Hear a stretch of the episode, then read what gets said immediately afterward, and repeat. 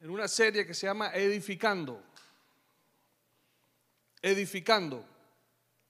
¿Qué significa edificar? ¿Qué quiere decir edificando? Edificar, sencillo, levantar, construir un edificio, una casa, una estructura. También significa levantar o formar o instruir a unas a personas. Edificar también significa eso. Se puede aplicar de esa manera. Edificamos una casa, pero también edificamos y tenemos la responsabilidad de edificar a nuestros hijos. ¿Me hago entender? Por esa razón estamos usando esta palabra para esta serie. Porque no solamente vamos a edificar como tal un edificio, sino que vamos a edificar nuestra casa. La palabra dice en Salmo 127.1 dice, si el Señor no construye la casa, el trabajo de los constructores es una pérdida de tiempo. O sea que no, usted y yo no queremos perder el tiempo. Hasta donde yo sé, usted y yo no queremos perder el tiempo. Y para no perder el tiempo tenemos que involucrar al Señor en todo. En, edificar nuestra casa, en edificar un negocio, en edificar un proyecto, pero también en edificarnos a nosotros mismos y edificar a los nuestros. Para eso necesitamos involucrar al Señor para no perder el tiempo. Y después dice, si el Señor no protege la ciudad, protegerla con guardias no sirve para nada. En otras palabras, lo que quiere decir es que si lo hacemos en nuestras propias fuerzas, no va a servir para nada. Si edificamos en nuestras propias fuerzas, en nuestra propia ocurrencia, en nuestro propio criterio, no va a dar el fruto que verdaderamente necesitemos que dé. Primera de Corintios 3, del 7 al 11 dice, no importa quién planta o quién, riega, lo importante es que Dios hace crecer la semilla. O sea que nosotros sembramos la semilla, pero Dios es quien se encarga de hacerla crecer. Sin importar quién la sembró, sin, importar quién la riega, sin importar quién cuida de esto después de haber sido sembrada. Dice, el que planta y el que riega trabajan en conjunto con el mismo propósito. Y cada uno será recompensado por su propio arduo trabajo. Pues ambos somos trabajadores de Dios y ustedes son el campo de cultivo de Dios, son el edificio de Dios. Nosotros somos el edificio de Dios. Amén. Nosotros somos el edificio de Dios. Por la gracia que Dios me dio, esto lo dijo Pablo, yo eché los cimientos como un experto en construcción. ¿Quiénes trabajan aquí en construcción? Ustedes saben muy bien que si los cimientos están débiles, esa edificación no va a perdurar mucho. Ahí está la clave de todo. Dice Pablo que como un experto, él echó los cimientos. Ahora, otros edifican encima. Yo conozco una persona aquí, no voy a decir el nombre porque después me va a decir, no me dijiste que me ibas a nombrar, entonces Pero yo sé que él coloca el fundamento de concreto. Ese es el trabajo, eso es un trabajo muy importante. Y después de que lo coloca, vienen otros y levantan el edificio, edifican. Pero esa parte es clave el fundamento. Dice, ahora otros edifican encima, pero cualquiera que edifique sobre este fundamento tiene que tener mucho cuidado. Y el siguiente versículo explica por qué. Dice, pues nadie puede poner un fundamento distinto del que ya tenemos, que es Jesucristo. Así que vamos a edificar nuestra casa, vamos a edificar a los nuestros, vamos a edificar nuestra propia vida sobre el fundamento de Jesús. Amén. Ok, Quiero, me he querido tomar el tiempo de hacer esta pequeña introducción en la serie porque considero que es clave. Hicimos una serie que se llamó Reconstruyendo y hubo polémica alrededor de la serie. Entonces vamos a trabajar en edificar. Y quiero ser claro que necesitamos edificar nuestra casa, nuestra vida, nuestra iglesia, nuestra familia sobre el fundamento de Jesús. Eso es exactamente lo que tenemos que hacer. Trabajar y animarnos a que seamos todos partícipes. Quiero decir esto, todos somos partícipes. Para edificar tenemos que, perdón, participar todos. Este no es trabajo solamente del pastor. ni trabajo de los pastores, ni de los líderes. Esto es trabajo de todos los que estamos aquí. Y es responsabilidad de todos nosotros. Edificar es la responsabilidad nuestra. Jesús es la piedra angular. ¿Qué vamos a edificar? Nuestra casa. ¿Qué significa edificar nuestra casa? Lo puedo responder con una sola pregunta. ¿Qué es nuestra casa? Todo. Esa es la respuesta. Todo. ¿Cómo así? Todo lo que usted y yo toquemos. Todo aquello sobre lo cual usted tiene influencia. Todo, todo aquello que Dios le ha confiado. Sus hijos, sus nietos, sus hermanos, sus padres, sus familiares, sus vecinos, sus compañeros de trabajo, su empleo, su negocio que no es suyo. Quiero dejarles saber, ese negocio no es suyo.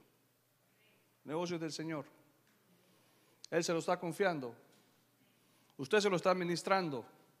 Así que haga, una pequeña revisión de cómo está usted administrando lo que el Señor le está confiando. Todos los talentos que usted tiene no son suyos, Dios se los dio. Los dones, la iglesia, el ministerio. Pero lo más importante, lo más importante en lo que debemos edificar es en nuestra propia vida. Por ahí debemos empezar. ¿Cómo edificamos en otros lo que no hemos podido edificar en nosotros? Por eso es importante edificar en nuestra propia vida. ¿Cómo enseñamos a otros lo que nosotros no hemos aprendido? Por eso es importante edificar en nuestra propia vida. ¿Cómo enseñamos lo que no sabemos o cómo modelamos lo que no vivimos? Por eso es importante edificar, edificarnos nosotros primero. Porque es que a veces esperamos o exigimos, demandamos en otros lo que nosotros mismos muchas veces no hacemos o no modelamos. A veces le pedimos a nuestras esposas comprensión y no las comprendemos. Pero también a veces las esposas piden comprensión y no nos comprenden. Esto va por igual.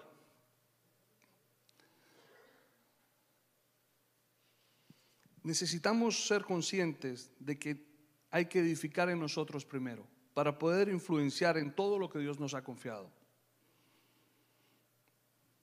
Jesús, Jesús es el fundamento. Jesucristo es el fundamento. Jesús le contestó a sus apóstoles cuando le preguntaban acerca del Padre.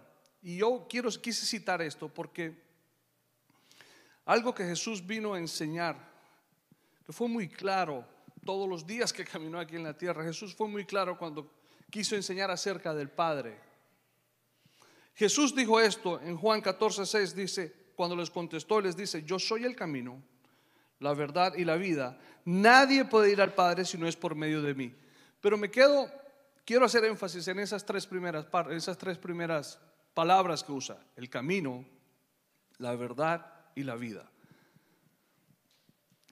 Siempre estamos buscando la fórmula y la fórmula es Jesús. Siempre queremos encontrar el cómo y el cómo es Jesús. Siempre queremos luchar y vencer el sistema para tener una mejor calidad de vida y la vida es Jesús.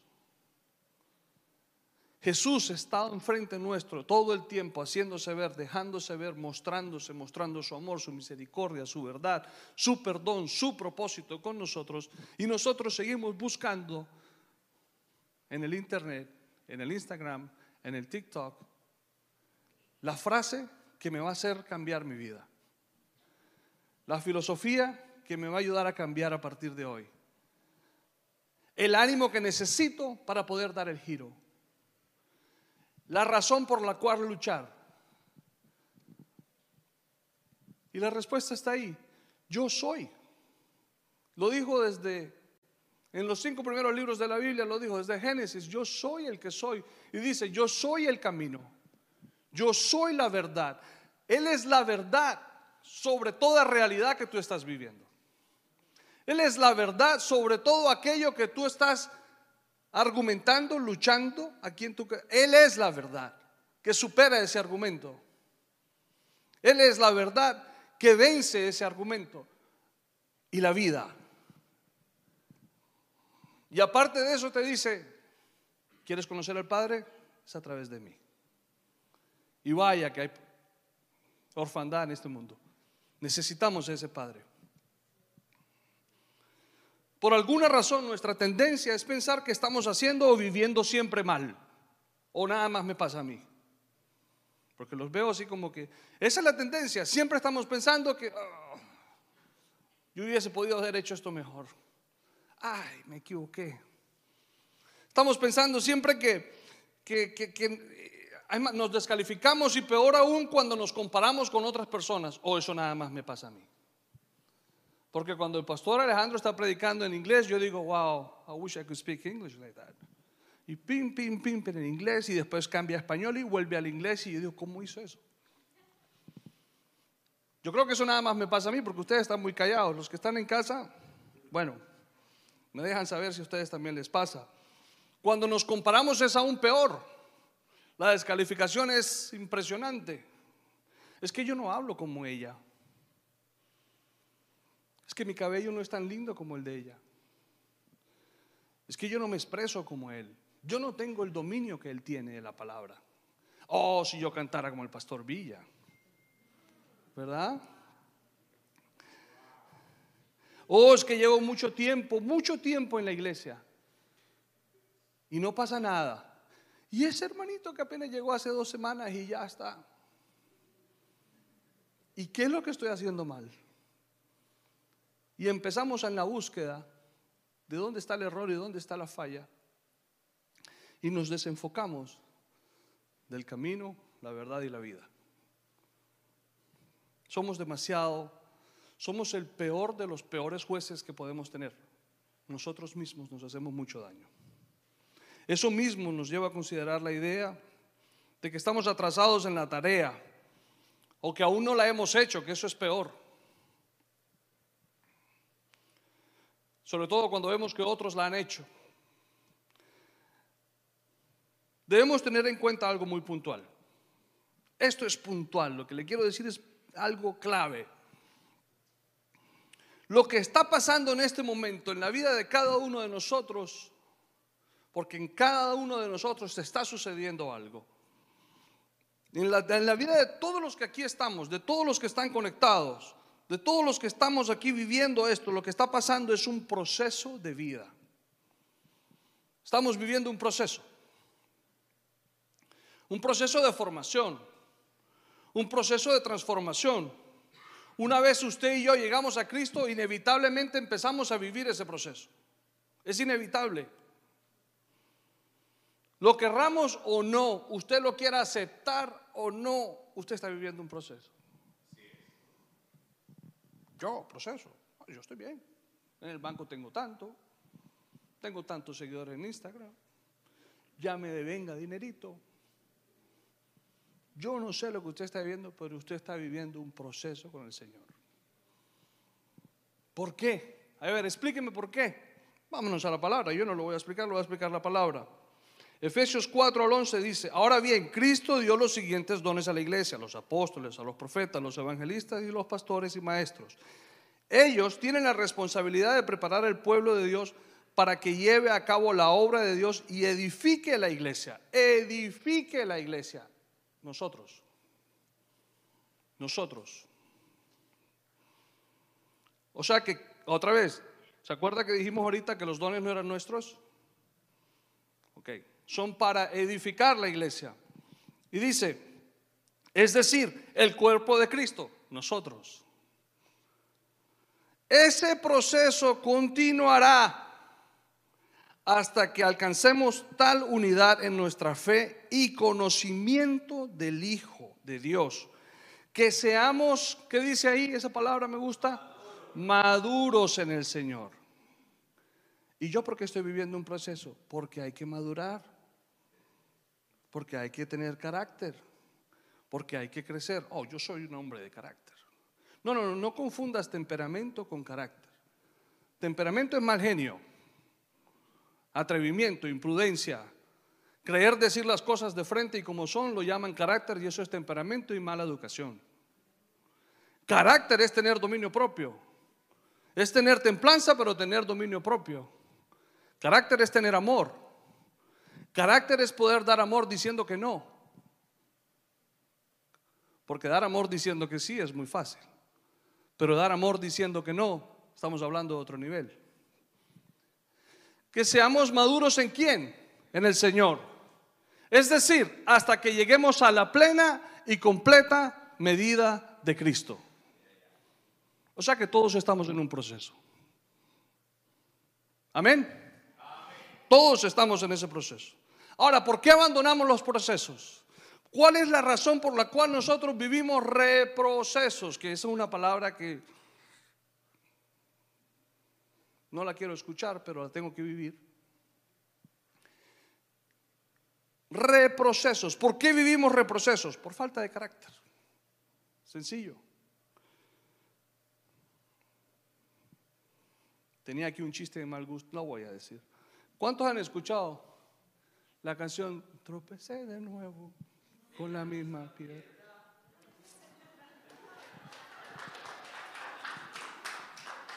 Ese es un chiste de mal gusto, pero es verdad. Falta de carácter. Ay, a mí siempre me pasa lo mismo. Falta de carácter.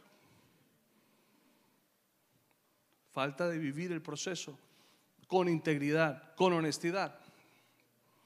Quiero que el grupo de alabanza suba. Todavía no vamos a cerrar, pero vamos a hacer algo diferente. Quiero que el grupo de alabanza me acompañe aquí arriba. Hay algo que nos hace mucho daño y además de que nos hace daño, es muy común en medio nuestro. Es tan común que lo vemos normal. Me acuerdo de una serie que mi esposa compartió cuando le daba clases a los niños. Decía, común pero no normal. Ese fue el nombre de la serie. Común pero no normal. Porque el sistema, el mundo, la escuela, la política, la televisión, las canciones, te lo hacen ver común pero no es normal. No es normal. Normal es lo que dice la palabra. El orden de la palabra es lo normal, no lo que te dice el sistema. Entonces, esto que les voy a compartir es algo común, tan común que se nos volvió normal. Es tan común y tan normal que ya hace parte de nuestra cultura. Ya se volvió cultural. ¿Usted sabe qué significa algo cultural? Es algo que pasamos de generación en generación. Es un legado que le damos a nuestros hijos y no nos damos cuenta. ¿Por qué no nos damos cuenta? Porque es lo que somos, es lo que vivimos, es lo que modelamos, entonces es lo que ellos aprenden. Y rápidamente se convierten en eso, lo viven y lo modelan a sus hijos. Y esto que les voy a decir es parte de nuestra cultura, ha pasado de generación en generación y nos hace mucho daño en este proceso de alcanzar la madurez en el Señor.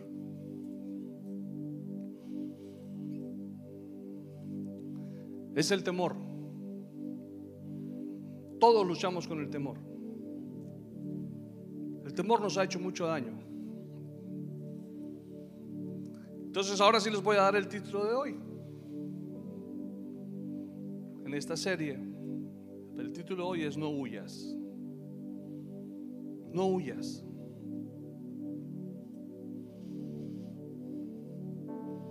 Hay una metáfora muy linda que involucra a dos animales muy parecidos en tamaño, en fuerza. Son el búfalo y las vacas. Los dos pueden percibir el momento en que va a comenzar la tormenta. Imagínense un día en donde Llega esta nube oscura, fuerte, densa, tapa el sol y junto con ella llegan cientos de nubes más. Empieza a hacer un viento frío en el campo. Y hay un grupo de vacas y de búfalos. Los dos huelen la lluvia a la distancia y sienten los vientos recios que golpean. Pero los dos tienen una manera de reaccionar diferente. Pero los dos lo perciben en el mismo instante en que comienza, los dos empiezan a percibir esto. Las vacas corren y le huyen a la tormenta.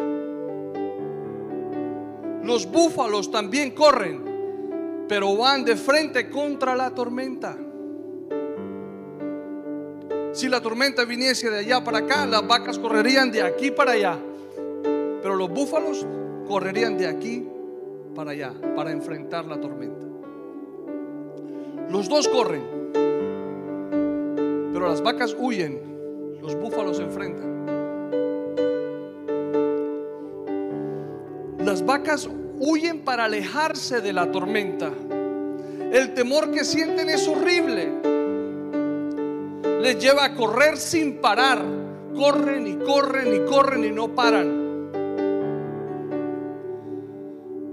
No paran y la tormenta las alcanza. Y cuando la tormenta las alcanza, usted dirá, oh, la, alcanzó, está cansada, se va a detener. No, siguen corriendo con la tormenta ahí encima, azotándolas, golpeándolas en la lluvia, en el viento. Y ellas siguen corriendo queriendo huir de la tormenta y la tormenta las está azotando en gran manera. Por eso es que muchas vacas mueren en la tormenta, porque les da un ataque al corazón, no aguantan la tormenta. Es miserable el trato que tienen contra esa tormenta que las agobia, las ahoga, las cansa, las debilita y hasta la muerte las lleva.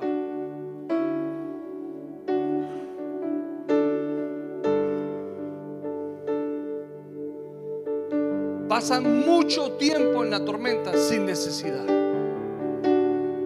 No hay necesidad de estar tanto tiempo en la tormenta. El búfalo el búfalo corre a la tormenta. La tormenta no ha llegado, la tormenta viene, pero el búfalo va al encuentro de la tormenta. Ahora, el búfalo también le da miedo.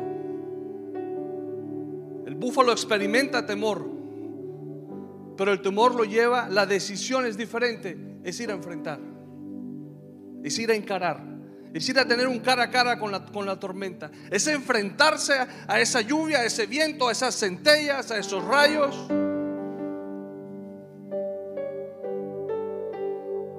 Es darle la cara al mal tiempo con diligencia, con valentía, con esfuerzo, con determinación, con berraquera, con nobleza, con humildad. Sabe que un viento los puede voltear y los puede mandar a donde quiera, pero aún así van y se enfrentan. Yo te quiero invitar en esta mañana que tú seas uno de esos búfalos. Hemos sido vacas por mucho tiempo. Yo lo he sido.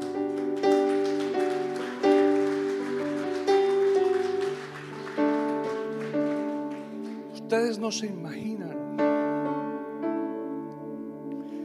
lo temeroso que yo soy, lo nervioso que yo soy los gigantes a los que yo me enfrento semanalmente. No, yo les cuento y no se lo imaginan. Si yo me estoy predicando aquí, yo me estoy hablando a mí mismo. Ya está bueno de correr. Ya está bueno de huir. No huyas. Vamos a enfrentar. El búfalo de igual manera choca con la tormenta. Y luego, cuando la tormenta pasa, cuando la tormenta pasa,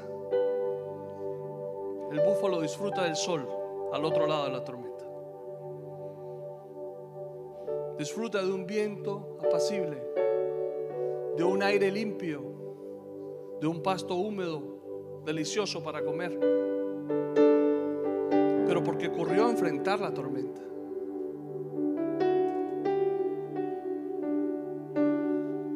Y saben, vive la tormenta, pero en un tiempo muy corto. Es corto el tiempo de ese enfrentamiento, de esa lucha, de ese gigante en tu vida. Pero si lo enfrentas. En cambio es largo, intimidante, agotador, destructor si le huyes. Pero el tiempo es muy corto cuando se enfrenta.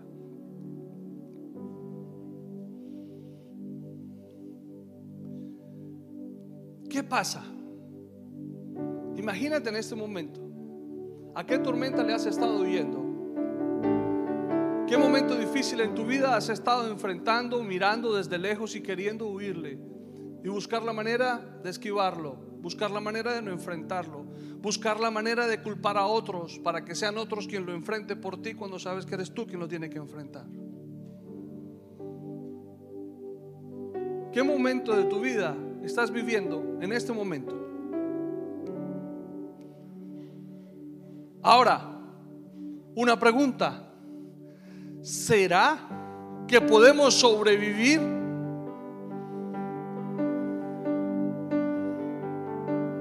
Ese dolor temporal, ese, ese dolor, ese dolor que el búfalo enfrenta cuando se choca con la tormenta, es un dolor, es un temor, es una lucha temporal. ¿Y qué pasa si sobrevivimos ese dolor? ¿Qué pasa si sobrevivimos ese momento? ¿Con qué nos vamos a encontrar al otro lado de la tormenta? Yo quiero que tú te imagines y pienses con qué te vas a encontrar al otro lado de esa tormenta que tienes enfrente tuyo. Oh, te vas a encontrar con un hijo de Dios. Te vas a encontrar con un valiente guerrero, hija de Dios, hijo de Dios. Te vas a encontrar con aquella persona que jamás pensaste que tenías y que conocías en ti mismo. Y empezarás a edificar tu vida de una manera diferente.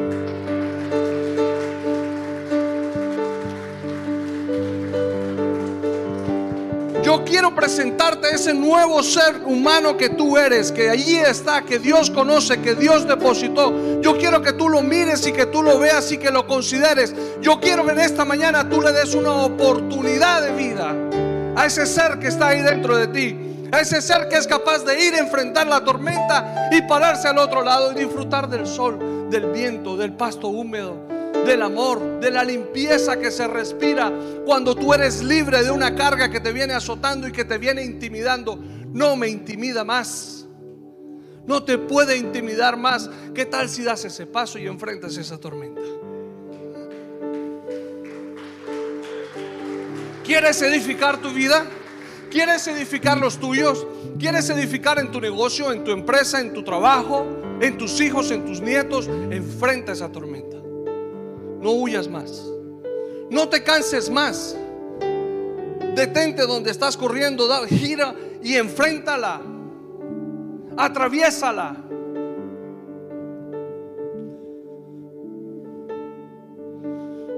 ¿Sabe por qué huimos de la tormenta? Porque creemos que eso va a durar para siempre y la tormenta es solo un momento.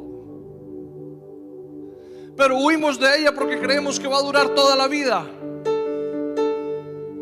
y es algo temporal. Pero si lo enfrentas, si le huyes, va a durar toda la vida. Pero si lo enfrentas, es temporal. Tomamos decisiones para enfrentar a gigantes y a tormentas como si fuéramos a vivir toda la vida. Cuando vivimos un ratico. ¿Por qué no tomamos decisiones rápidas, temporales para enfrentar lo temporal? ¿Por qué no vencer esa tormenta? ¿Por qué no vencer ese gigante? Si lo enfrento es temporal, pero si lo evito se convierte en algo permanente. Culturalmente lo hemos evitado siempre, pero Dios en esta mañana quiere romper con esa cultura quiere romper con eso que es normal. Oh, pastor, es que yo soy perfeccionista. Yo quiero que todas las cosas me salgan perfectas. Tú lo que eres es un maniático del temor. Y lo quieres controlar todo. Y nada vas a poder controlar. No tienes control sobre nada. No, pero es que yo soy, a mí me gustan las cosas que, cuando no salen como yo digo, yo empiezo a sufrir temor.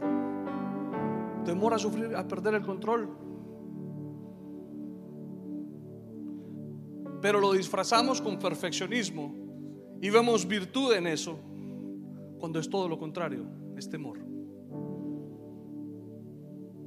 Por favor, coloquémonos de pie.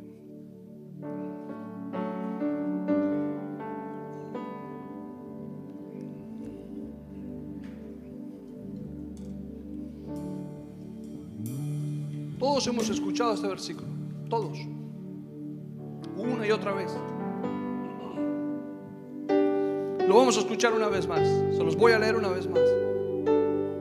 Porque es un versículo que rompe patrones de comportamiento, es un versículo que tumba argumentos. Quiero decirte algo que Dios me dio, lo hablé con uno de los pastores. Los argumentos en nuestra vida crean unas barras alrededor nuestro de protección alrededor nuestro. Mírenme lo que estoy haciendo. Todo esto que estoy son argumentos. Y esos argumentos se convierten en una jaula en donde nadie tiene acceso a ti, pero tú los ves a todos. En donde nadie califica para ti, porque estos argumentos no los deja calificar. Donde se convirtió en un sistema de defensa alrededor tuyo porque tienes temor de ser lastimado una vez más de ser engañado, de ser decepcionado, de ser traicionado, de que te mientan. Entonces tienes unos argumentos tan fuertes y tan sólidos y tienes tanta razón porque la tienes. Tienes toda la razón. Porque todo lo que te pasó es verdad. Pero todo eso, toda esa verdad se han convertido en tormentas que te mantienen huyendo y no las estás enfrentando con la palabra, con lo que es tu verdad. Porque tu verdad es lo que Dios ha dicho acerca de ti. Romanos 12.2 dice, no imiten las conductas ni las costumbres de este mundo. Eso es lo que hace todo mundo nos llenamos de argumentos y posiciones y estamos más pendientes y más interesados en tener la razón en la mesa que en ceder y perdonar. Nos importa más quién tiene la razón. Estamos en una reunión y queremos poner el argumento que más pesa sobre la mesa porque yo tengo la razón. ¿Y qué importa si yo tengo la razón y estoy sufriendo? ¿Qué importa si yo tengo la razón y estoy enjaulado en mis argumentos? ¿Qué importa si yo tengo la razón y estoy huyendo? ¿Qué importa si yo tengo la razón y no tengo el valor para enfrentar la tormenta? No, es que mi papá era un alcohólico y mi abuelo también. Antes yo estoy bien, yo puedo trabajar, ellos los míos ni trabajaban. Mentira. No te conformes, no te conformes con tan poco. No imitemos las costumbres de este mundo. El temor no puede ser parte de nuestra cultura. 365 veces se dice no temas en la palabra en 143 versículos en la Biblia. Por alguna razón, el Señor lo que más se repite en la palabra, por alguna razón es no temas, porque Él no quiere que eso sea parte de nuestra cultura.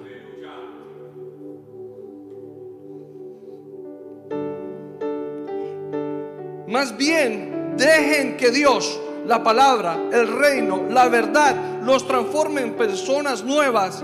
¿Cómo? Al cambiar la manera de pensar. Si no corramos. Hemos corrido mucho. Cambiemos la manera de pensar. Los temores van a seguir llegando. Las luchas van a seguir estando allí. El dolor todavía se siente, pero enfrenta lo diferente. Cambia la manera de pensar. Cambia la manera como tú procesas ese pensamiento que te atraviesa la mente y que te, se mete en tu estructura y te que congela, que te llena de temor y que te hace correr, que te hace huir. Cambia la manera de pensar, cambia la manera de pensar, cambia la manera como tú asimilas ese pensamiento que te ha hecho esclavo. Romanos 12:2, lo hemos escuchado muchas veces, cambiando nuestra manera de pensar. Entonces, si nosotros lo hacemos, vamos a aprender, aprenderán a conocer la voluntad de Dios para ustedes, la cual es buena y perfecta. enfrentar la tormenta, vencerla prontamente y vivir en paz, en armonía, en gozo, en libertad.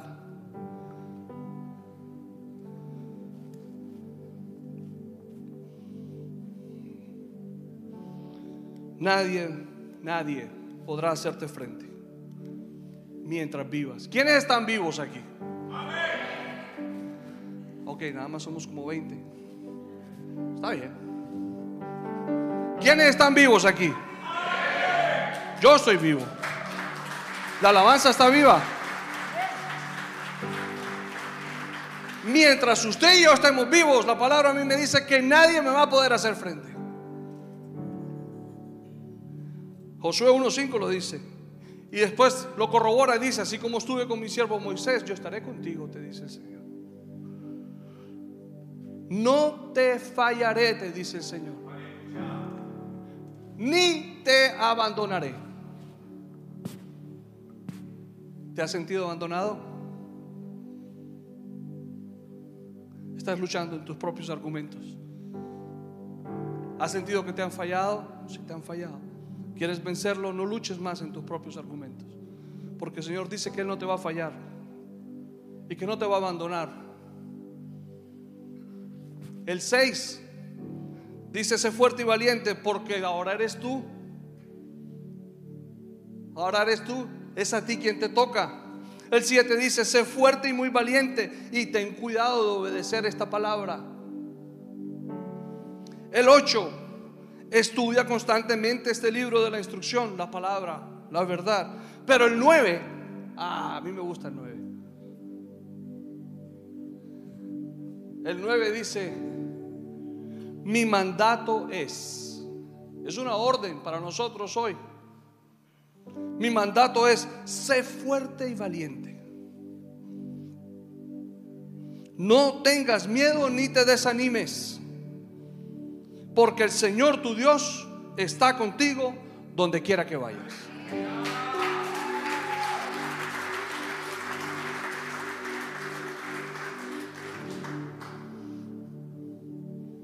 ¿Cuántos lo creen? Sé fuerte y valiente, es un mandato, es una orden. Habló el jefe, habló el que es, el que todo lo puede para el cual no hay nada imposible, el que te dice que no estás solo. Vamos a adorar al Señor. Antes quiero orar por las personas que están en línea porque me voy a despedir y quizás nos vamos a demorar cinco minutos más después de esto. Para todos aquellos que están en línea, Dios te bendiga. Que el Señor prospere tu vida de día y de noche, todos los días. Que Él te permita respirar sobre esta tierra. Te animo a que enfrentes la tormenta que estás viviendo. En el momento en que decidas enfrentarlo, esto va a durar muy poco. No tomes decisiones para toda una vida cuando el problema es temporal. Haz que este problema se acabe pronto. Después de la tormenta, al otro lado, hay un sol brillante que te está esperando. Hay un aire limpio que quiere llenar tus pulmones. Hay un pasto verde y hermoso que te quiere alimentar. Hay un cuidado de papá esperándote. Enfrenta la tormenta. Camina hacia ella, no huyas más. Dios te bendiga, que tengas una linda semana.